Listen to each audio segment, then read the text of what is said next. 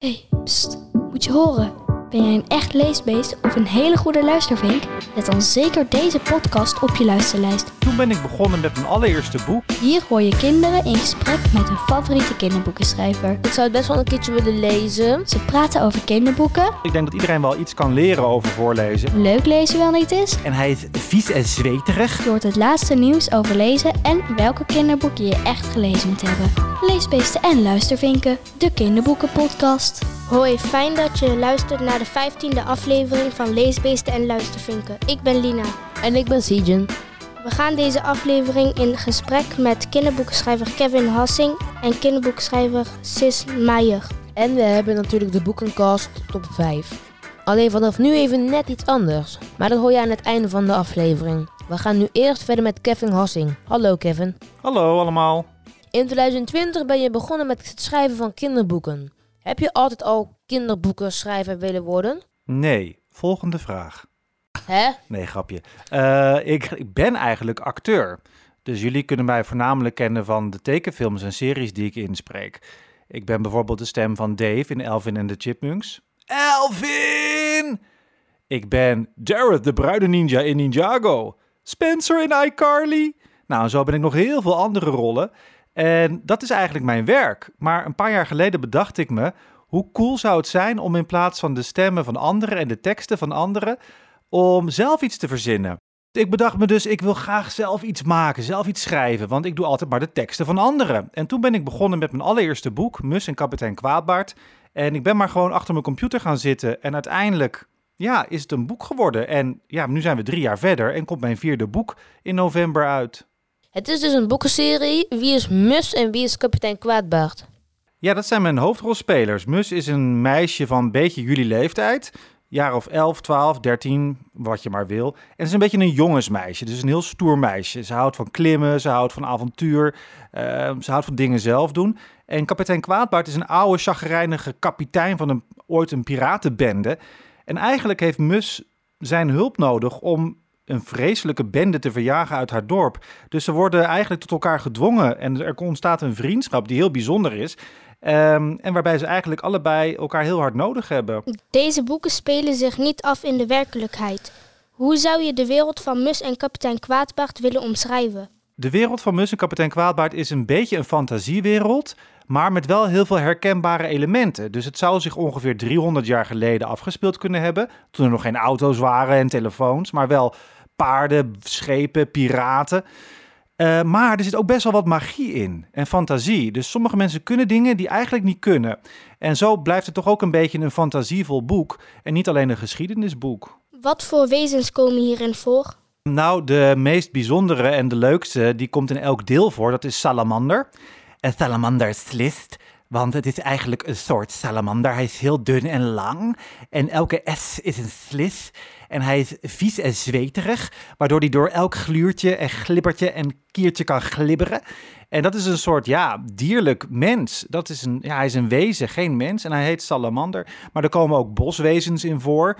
Ze komen bij de jagers in deel 1. En die hebben allemaal namen van bomen. Dus iep, eik, spar, den, zo heten ze. En ze lijken ook een beetje op, ja, aardeachtige wezens.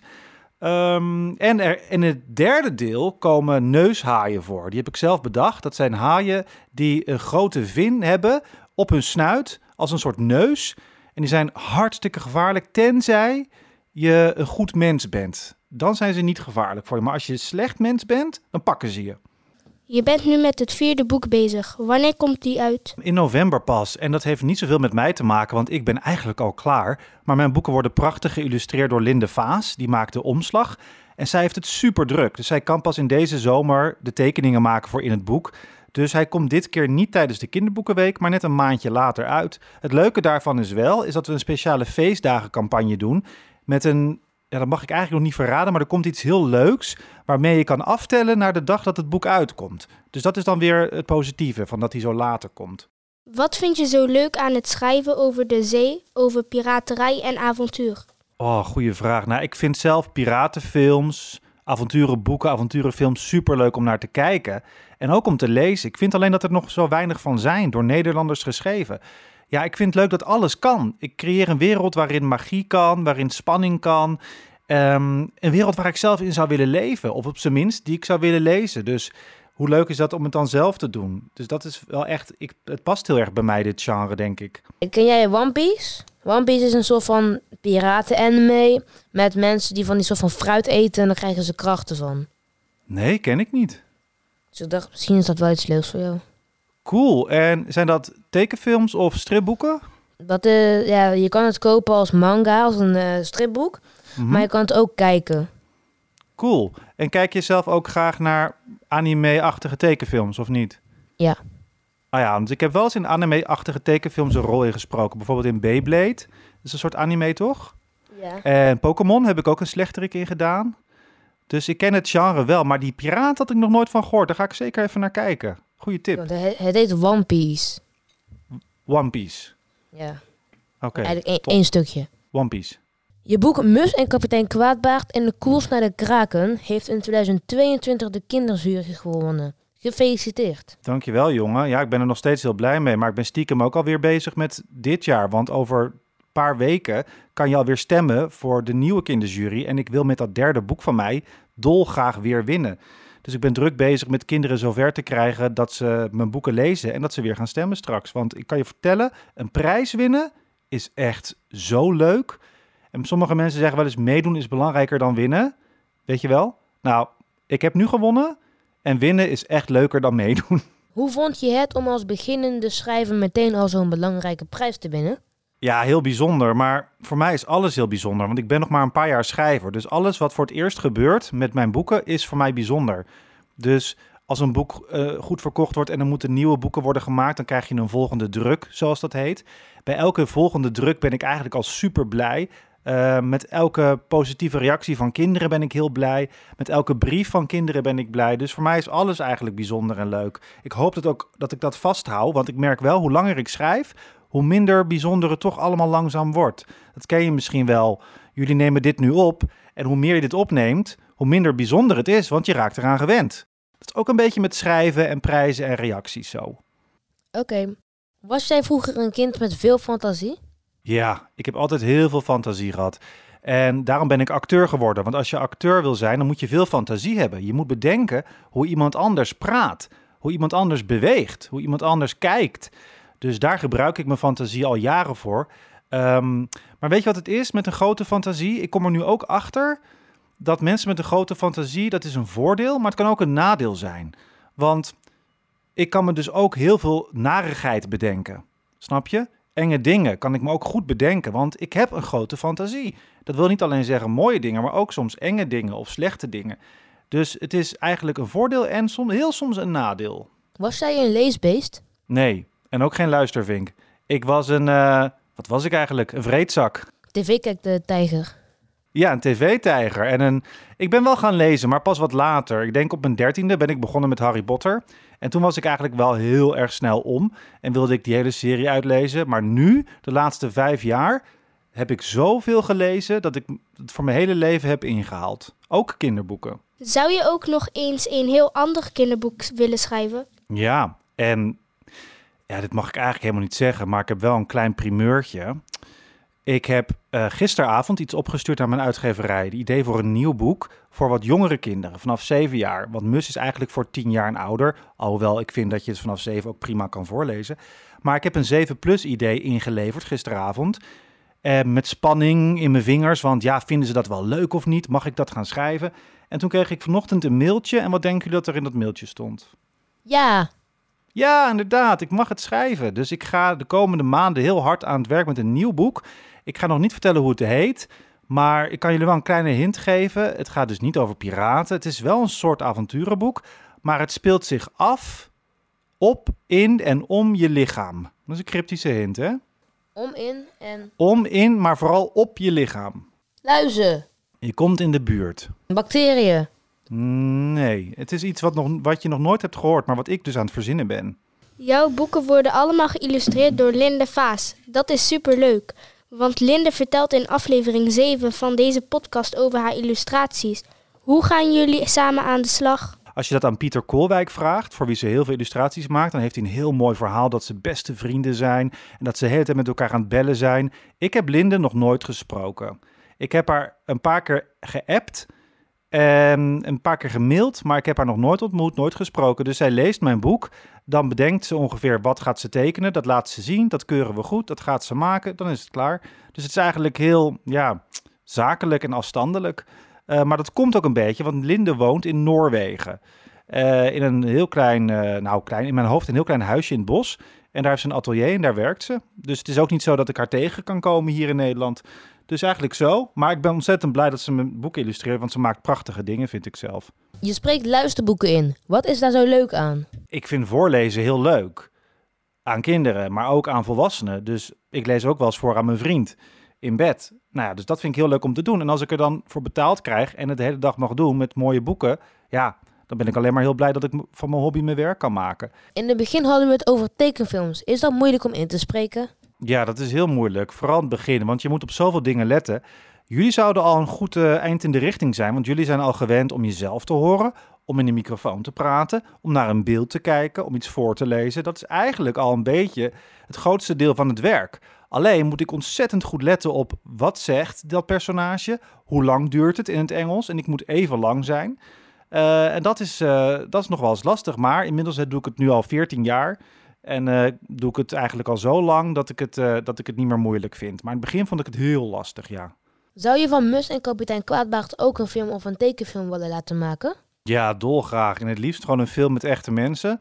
En dan met grote decors en veel actie en toffe muziek. En uh, nou, ik ben, ik ben ermee bezig met een aantal producenten die nu het boek lezen en hopelijk zeggen, ja, we willen dit. Maar dat duurt heel lang. Het is een heel moeilijk proces, dus ik heb er niet super veel hoop op. Maar het is wel een van de dromen die ik heb met mijn boeken. En zou je dan zelf een rol willen spelen? Nee, want ik denk niet dat er in mijn boeken een personage zit waar ik op lijk. Ik ben geen oude chagrijnige piratenkapitein.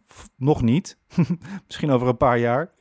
Ik ben geen klein stoer meisje, ik ben geen spierbundel, ik ben geen slijmerig dun wezen. Ik zie mezelf niet zo snel een rol spelen, maar ik zou wel heel graag willen regisseren. Eh, of in ieder geval erbij willen zijn als het gemaakt wordt en overal iets over zeggen. Dat zou ik wel heel graag willen doen. Wilt u inderdaad nog een keer een paar stemmen, eh, stemmen opnieuw die u gedaan heeft? Ja, dus ik ben uh, Dave en Elvin en de Chipmunks. Ik ben uh, de tijdrover in Henry Danger.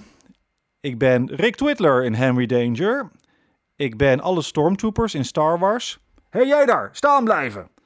Ik ben um, de broer van Hero in Big Hero 6, de Disney-film over die opblaasbare robot. Daar ben ik de broer van. Ik ben dan dus uh, Dareth in Ninjago. Ik ben Bentomar in Ninjago. Ik ben Clutch Powers in Ninjago. En ik ben Jay, uh, de blauwe ninja in de film van Ninjago. Die is altijd een beetje nerveus. Um, wie ben ik dan nog meer? Fernando in Fuller House. Uh, die heeft een Spaans accent. Kimberlina, mi amore. Spencer in iCarly. Um, ja, uh, Oscar in Fishhooks. Staartwind in Namchakt. En nog heel veel andere kleine en grote rollen die ik altijd weer vergeet. Maar dit zijn een beetje de grootste. Maar ik kan je een tip geven. Als je meer wil zien van mijn werk als tekenfilminspreker. Ik zit sinds kort op TikTok. En ik maak daar filmpjes waarbij ik op dat moment voor het filmpje echt die stem inspreek. Dus dan kan je precies zien hoe ik het doe en wat voor gekke gezichten ik trek. Want dat is nogal, uh, dat is nogal wat. Dus uh, ja, daar vertel ik ook meer over mijn boeken, maar ook over mijn werk als stemacteur op TikTok. Jij kunt als stemacteur goed voorlezen. Zou je daar ook les in kunnen geven? Ja, dat doe ik eigenlijk al een beetje. Maar vooral voor volwassenen die willen leren voorlezen voor klassen of kinderen of kleinkinderen. Maar ik vind het ook heel leuk om met kinderen te werken. En zaterdag, dus binnenkort, geef ik mijn eerste workshop voorlezen aan kinderen. Eh, want ik denk dat iedereen wel iets kan leren over voorlezen en dat iedereen er wel iets beter in kan worden. Dus ja, dat vind ik heel leuk om te doen. Wil je tot slot misschien een heel klein stukje voorlezen? Natuurlijk. Ik heb een stukje uitgezocht uit boek 3, De Amorfen. Wat is er aan de hand? Even snel vertellen. Er komt op de kade van Zeeburgerdam, waar iedereen woont, Mus en kapitein Kwaadbaard, een schip van glas aangevaren. En Kwaadbaard vertrouwt het niet, dus die zorgt ervoor dat Mus zo snel mogelijk terug naar het dorp rent en dat ze daar de buffel haalt. De buffel is een grote spierbundel, die kan tien man in één zwaai uitschakelen. Hij kan hele zware dingen tillen. Hij is heel sterk. Denk maar een beetje aan Rico Verhoeven, die bokser. En de buffel moet van Kwaadbaard een wapen pakken. En dat is de Bombardio. En de Bombardio is een kanon met vijf kanonnen. Dus daar kan je enorme schade mee aanrichten. Inmiddels is dat ding op de kade. Eh, staat de buffel erachter en gaat hij hem aansteken om dat schip in het water onschadelijk te maken. Hoofdstuk 4. Naar achteren en vingers in je oren, beveelt de buffel. Hij staat bij de rand van de kade. In zijn hand heeft hij een brandende fakkel. Bovenop de bombardio zit een dikke lont die zich vertakt in vijf verschillende lontjes. Al die kleine lontjes leiden naar één van de vijf kanonnen. Iedereen doet wat hij zegt en blijft vervolgens doodstil wachten. Dan klinkt er gegiegel. Mus kijkt in de richting van het geluid en ziet dat kromme kareltje op de schouders van de buffel zit. Hij houdt zijn tengere vingertjes in de oren van de reus. Moet jij je vingers niet in je eigen oren doen, kareltje? roept Maurits naar voren. Nee hoor, dit is veel lekkerder, roept Kareltje terug. De buffel begint te bulderen. Drie, twee, één. Hij steekt de grote lont aan. Het vuur knispert naar beneden en bereikt de andere lonten. De vonken slingeren zich een weg naar de openingen in de achterkant van de kanonnen en dan. Dan gebeurt er helemaal niets. De buffel fronst. Hij buigt zich voorover en kijkt naar het grote lont.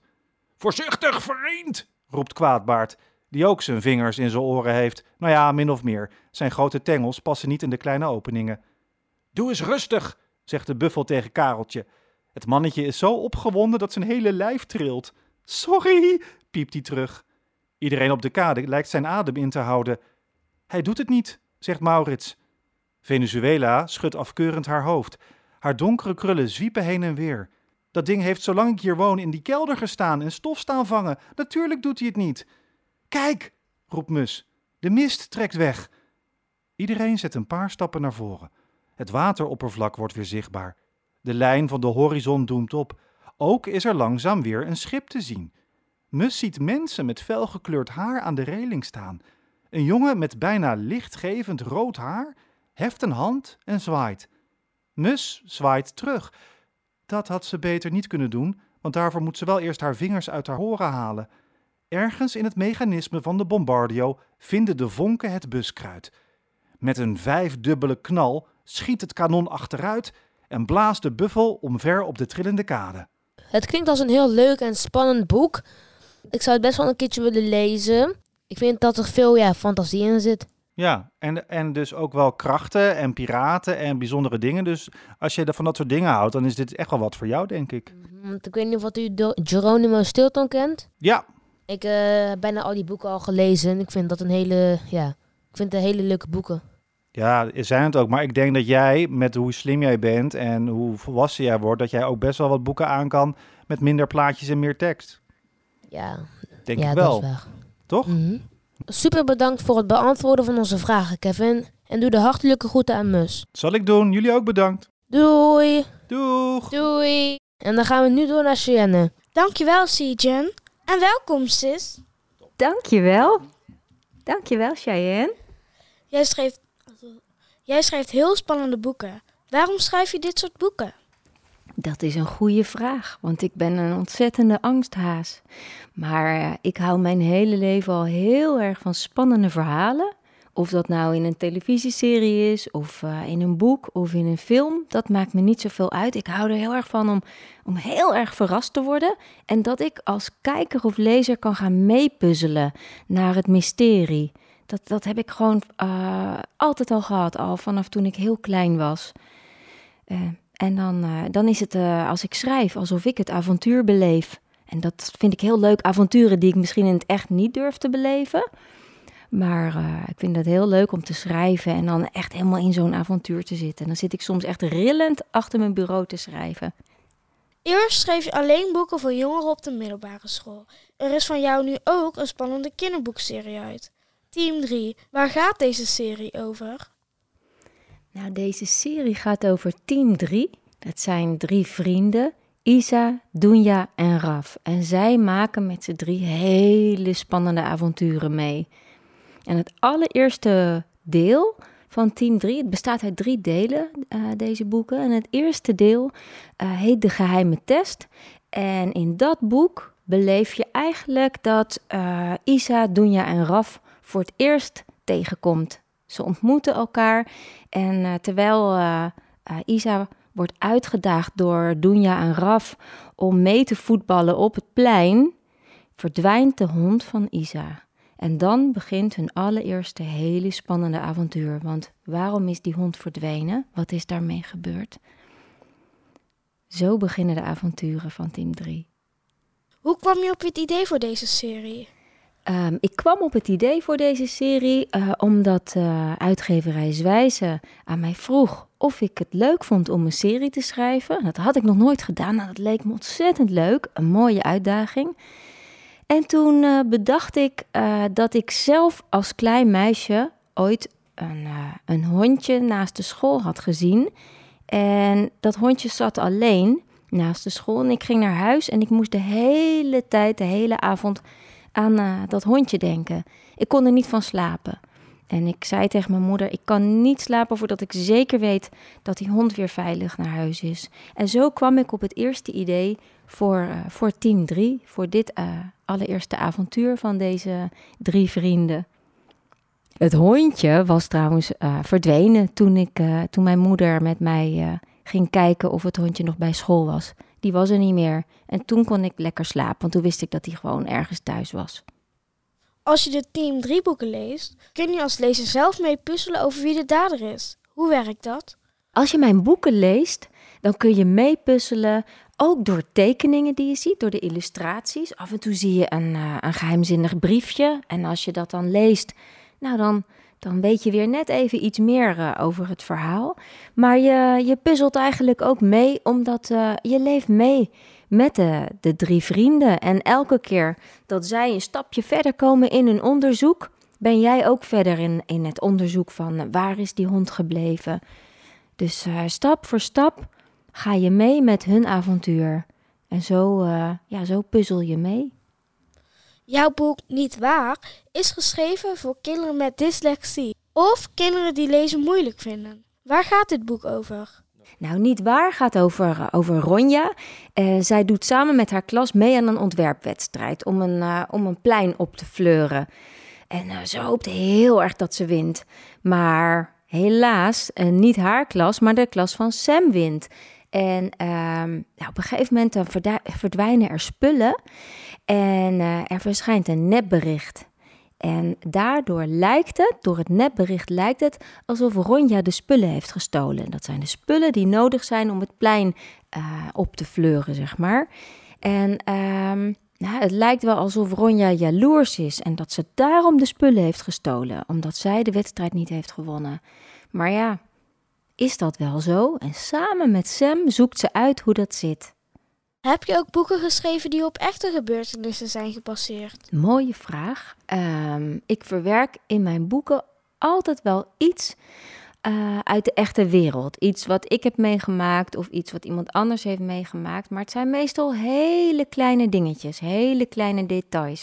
Ik had net al verteld hè, over team 3, de geheime test, dat de hond van... Uh, van Isa verdwijnt. Nou, uh, ik had zelf geen hond, maar ik had dus wel een hond gezien hè, in het echt, uh, waarvan ik dacht, hey, wat is daarmee aan de hand? En uh, dus, uh, dus ik raak vaak wel geïnspireerd door dingen uit de echte wereld. En ehm, mag ik daar nog één dingetje over zeggen? Eh, het gruwelijke hotel, dat is het derde deel van, van team 3. En dat gaat over de klas van Isa, Dunja en Raf. En die gaan op schoolkamp naar een waddeneiland. En uh, ze gaan naar een hotel, een heel, heel vreemd, nou een gruwelijk hotel waar allemaal hele vreemde dingen gebeuren. Heb ik niet meegemaakt, maar mijn dochter zou op schoolkamp gaan met groep 8 en dat is niet doorgegaan. En haar groep 8 had elk jaar, als ze op kamp gingen, een heel leuk groep 8 geheim. Wij hebben nooit geweten wat dat geheim nou was. En toen heb ik zelf maar een geheim bedacht. Dus ik heb het verhaal bedacht uit het feit dat mijn dochter op kamp zou gaan, maar dat het niet doorging. Nou ja, en hier gaan de kinderen wel op kamp. Dus zo haal ik dingetjes een beetje uit de echte wereld. Ja. Aan het eind van jouw boeken worden de mysteries vaak opgelost. Denk je dat Denk je dat je zelf ook een goede detective zou zijn? Nou, uh, of ik een goede detective zou zijn, dat is een hele goeie. Want wat moet je zijn om een goede detective te zijn? Ik denk dat je dapper moet zijn en je moet heel nieuwsgierig zijn. Je moet problemen op willen lossen, een zaak willen oplossen. Mm, ja, je moet dus niet zo bang zijn. En ik zei het al aan het begin, ik ben best wel een angsthaas. Dus ik ben niet heel dapper. Dus ik weet niet of ik echt een goede detective zou zijn. Alleen, ik ben wel heel nieuwsgierig. En ik wil problemen oplossen.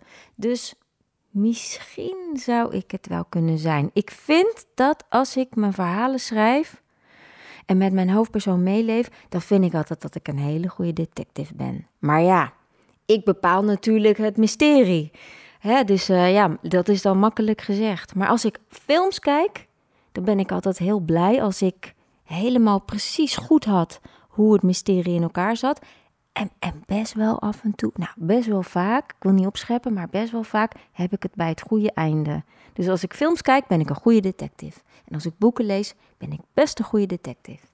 En Cheyenne, denk je dat jij een goede detective zou zijn? Nou, heel nieuwsgierig, dat ben ik wel. Ik vind het ook wel leuk om iets goeds te hebben, bij films ook.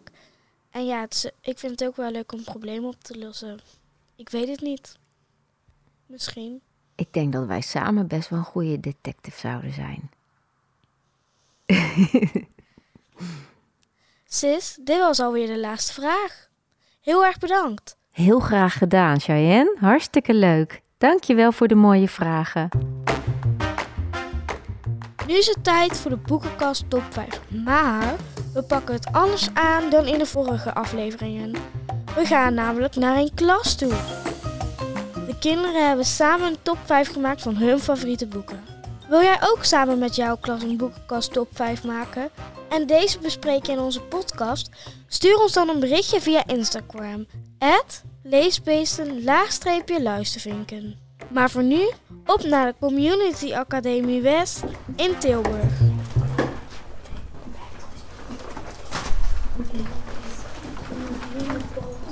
Hoi, ik ben Emin. Hallo, ik ben Ilana. Ik ben Ryan en ik ga naar, de academie, maar eigenlijk heet het de Community Academie West. Ik ga naar de academie omdat ik um, goed advies wil krijgen. We leren veel, zoals taal, um, lezen, begrijpend lezen. Ja. Ik wil graag beter leren samenwerken. Ik ga naar de academie omdat ik um, een hoger advies wil halen en een, naar een goede school wil. We zijn nu met rechtszaken bezig en we hebben het gehad over communicatie volgens mij.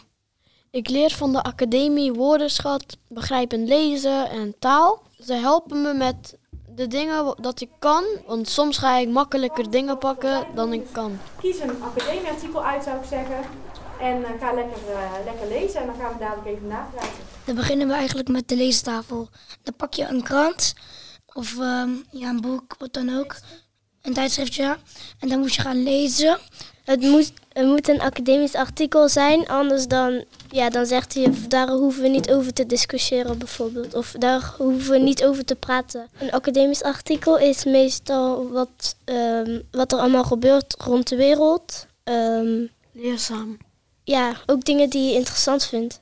Na onze leestijd dan gaan we gezamenlijk met heel de klas daarover uh, discussiëren eigenlijk. Ik had gelezen dat uh, Poetin ook nu echt misschien gerealiseerd wordt. Of, ja. Aan het uh, praten waren over uh, Duitsland en Nederland, dus samenwerken uh, op het gebied van klimaat, energie en economie. Uh, ik had gelezen vandaag over um, Pokémon kampioen.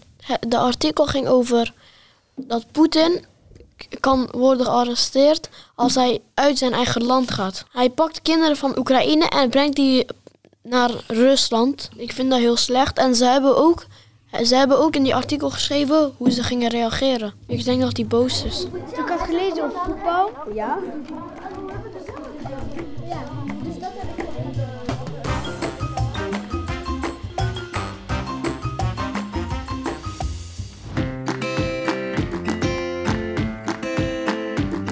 Hoi, ik ben Sarah. En ik ben Badder. Wij hebben voor jou de boekenkast top 5 van de Academie. Op nummer 5 staat Gamehelden van Marcel van Triel. En eh, het verhaal gaat over drie jongens die uit, net uit een game komen. En, eh, en er gebeuren heel veel dingen in de game. En er zijn heel veel missies. En, eh, en er zit veel avontuur in. En ik raad jou dit aan om deze boek te lezen. Op nummer 4 staat Dagboek van de Muts.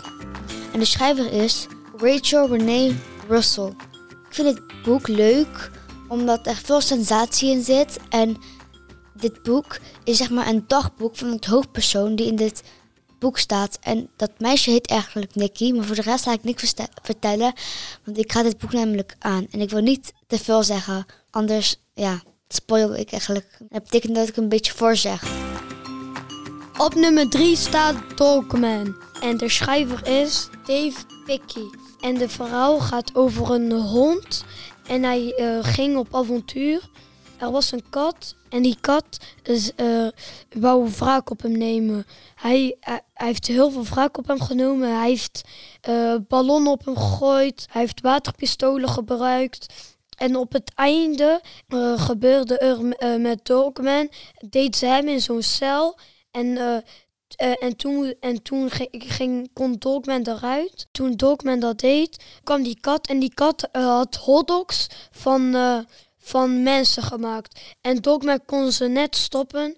En er gebeurt veel avontuur en spanning. En ik raad jou dit aan om deze boek te lezen. Op nummer 2 staat 100% Coco in Tokio. En de schrijver is Nicky Smith. Ik vind het boek leuk omdat er hetzelfde bij het dagboek van de muts super veel sensatie in zit en dat het super leuk is. Want het gaat over een meisje. Ze heet Coco, maar haar, ze heeft een YouTube kanaal en die heet een style, style. En zij stylt eigenlijk allemaal kleren. Dus ze pakt gewoon bijvoorbeeld tweedehands kleren, daar maakt ze iets moois van. En zij was dus uitgenodigd in Tokio. Eigenlijk alles wat zij zei, of alles wat in Tokio zat, is kawaii. En kawaii betekent dat het schattig is. En ik ga dit boek aan, omdat je er echt gewoon in leeft. Het, het is alsof je erin leeft, gewoon. En op nummer 1 staat Kapitein Onderbroek. De schrijver is Dave Picky. Ik raad jou dit aan om deze boek te lezen, omdat er veel avonturen zit en er gebeurt heel veel wraak en er gebeuren ook hele rare dingen. Zoals de directeur is echt boos en hij, hij wou dat alle mensen niet konden lachen, dat er in hun brein eh, niks om te lachen was. Charles had uit een cornflakes eh, een hypnosering. Hij kon de directeur in een hypnose terecht laten komen. In plaats van een strenge directeur kwam er een goede superheld. En eh, ik raad jou aan om deze boek te lezen. Er zit veel spanning in, veel avontuur. En eh, ze maakte heel veel verhalen short en Harold. Ik hoop dat je iets hebt aan deze boekentips. Veel Veel leesplezier. leesplezier. We zijn aan het einde gekomen van de 15e aflevering van Leesbeesten en Luistervinken.